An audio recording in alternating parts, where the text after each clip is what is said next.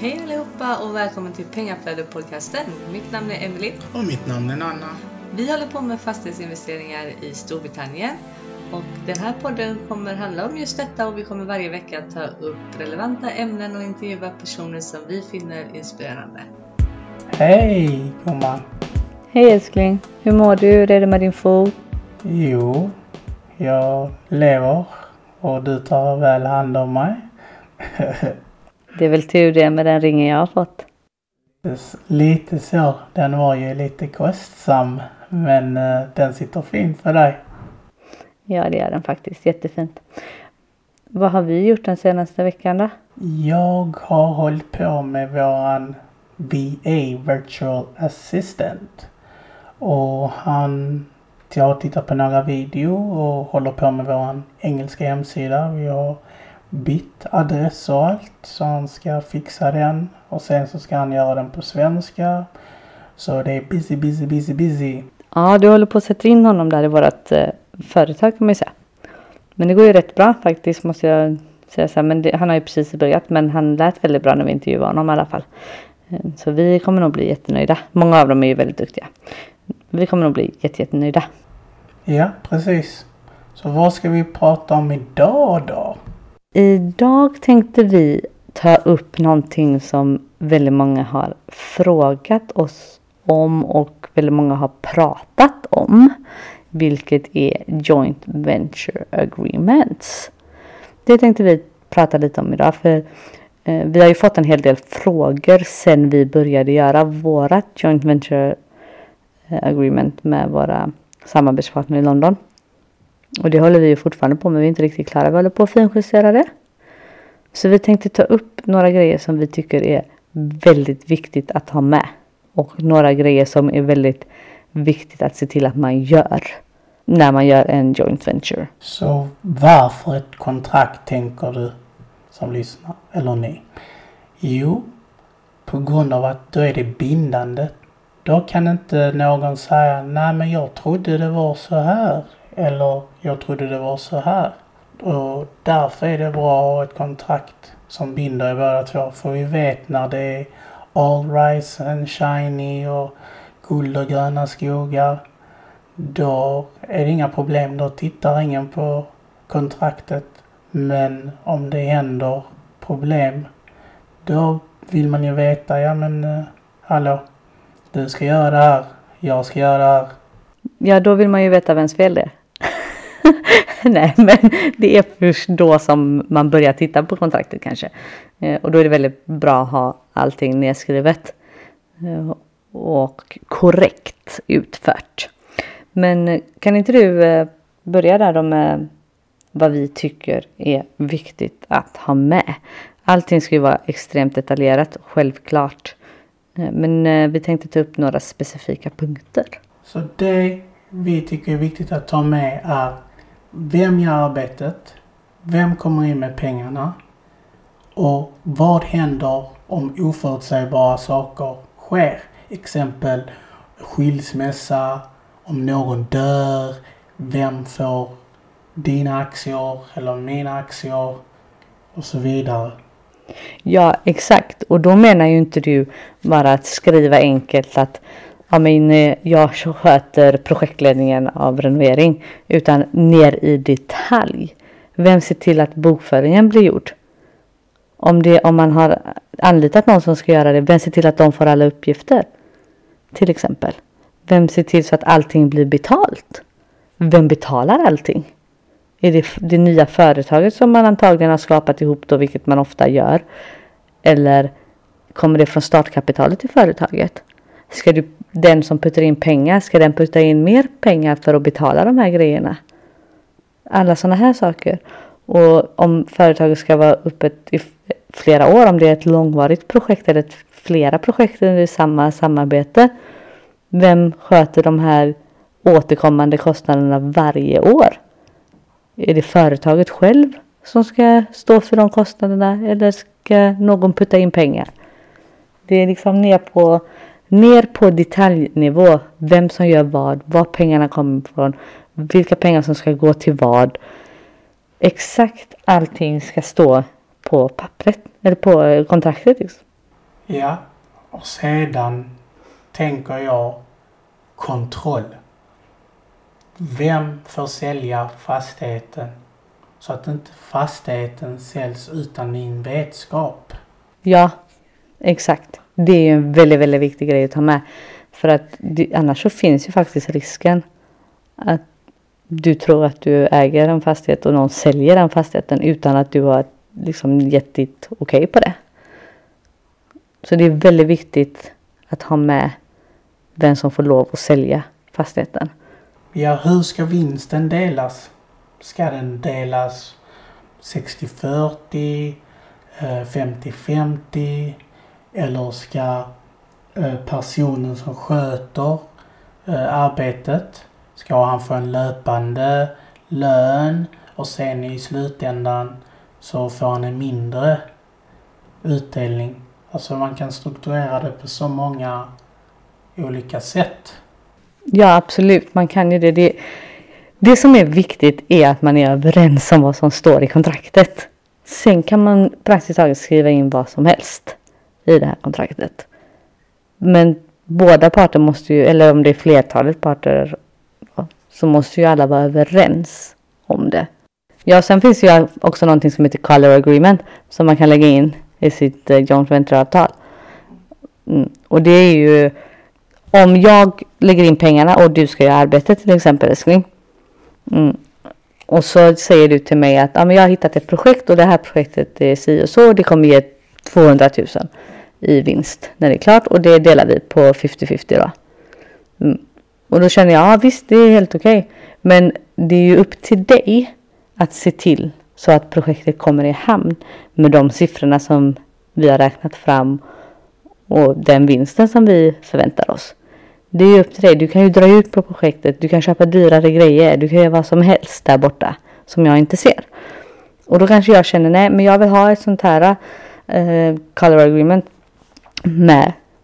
För att jag vill faktiskt vara säker på att jag får en viss del i vinst oavsett hur bra du gör ditt jobb eller dåligt. Och då kan jag sätta det då att ja, du säger att vinsten ska bli 200 000. 50-50 det är 100 000 var. Men om vinsten bara blir 100 000 så ska jag ha 75 000 och då får ju du 25 000. Det är ju en liten morot för dig att faktiskt se till att saker och ting blir gjorda när de ska bli gjorda. Eftersom det är ju faktiskt mina pengar som du leker med. Så det kan man lägga in om man vill ha det. Om man vill ha en lite mer eh, säkerhet när det kommer till avkastningen. Spot on. Vem ansvarar för marknadsföringen eller försäljningen eller uthyrningen? Är det du som ska ringa samtalen till, vet du nu, letting agenten eller till estate agenten och se till så att trådarna går ihop? Det är väldigt viktigt att ha med det så att inte vi säger till exempel om ni har ett par lägenheter ni ska behålla eller sälja. Så när det väl kommer till kritan så gör ni det i sista sekund och inte planerat i förskott. Ja, man får ju ha det med sig i bakhuvudet där att det är ju faktiskt när man går ut i projektet som man gör pengar. Det är där vinsten kommer. Och då är det väldigt viktigt att man får sålt så fort som möjligt om man ska sälja. Att man får uthyrt så fort som möjligt om man ska hyra ut. Om man ska göra både och så är det viktigt att både och sker fort. Men speciellt då att du får uthyrt den dagen som lägenheten eller huset eller vad det nu är du har byggt är färdigt. Så du måste ju marknadsföra långt innan. Och vem har ansvaret för att det sker?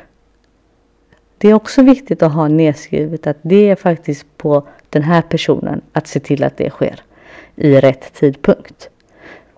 För det är ju, är ju alltid exiten som är den viktiga delen. Det är ju där pengarna kommer tillbaka. Och då kommer vi till exitplan. Ha allting nedskrivet. Vilka utvägar, alltså händelserna som kan ske. Så ni har det på skrift. Om ni ska sälja, behålla hur ni ska gå vidare. Så att inte, vi säger om inte ni hade haft det på skrift.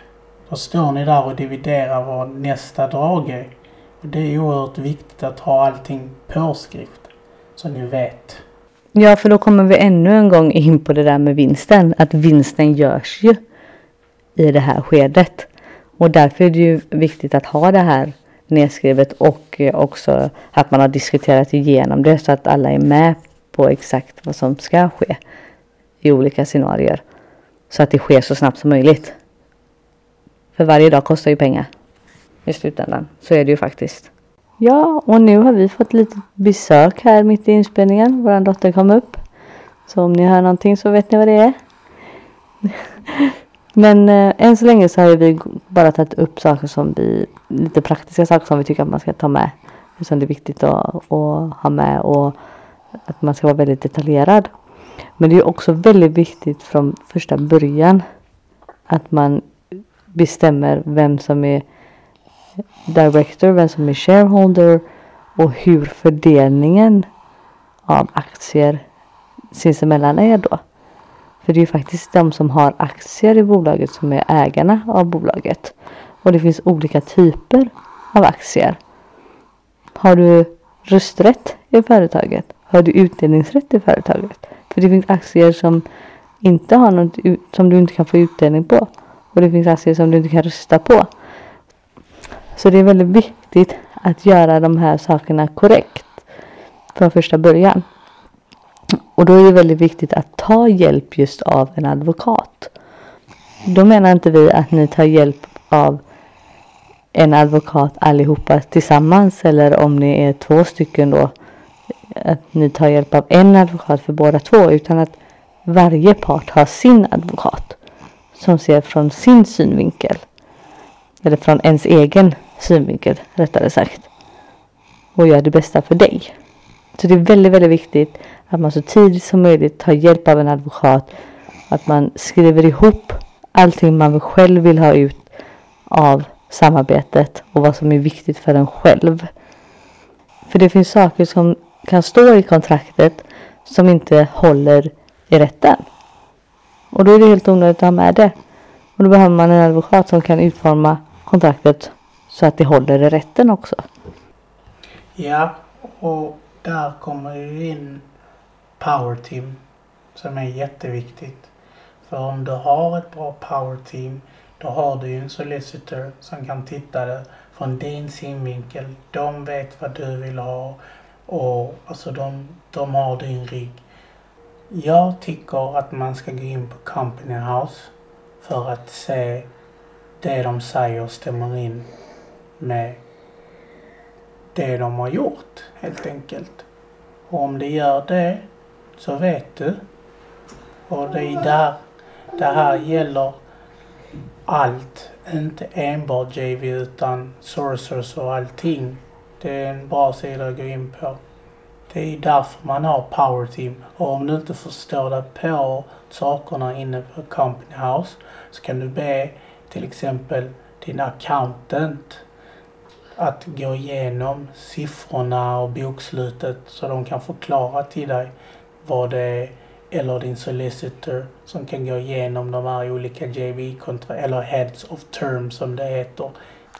Ja, det är ju väldigt viktigt att kolla vem det är man jobbar med.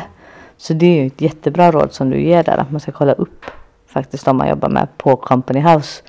Och det är ju ungefär som att du skulle kolla på bolags Bolagsverket här hemma. Och det gör man ju när man ska samarbeta med någon. Så får man ju se vem det är man jobbar med.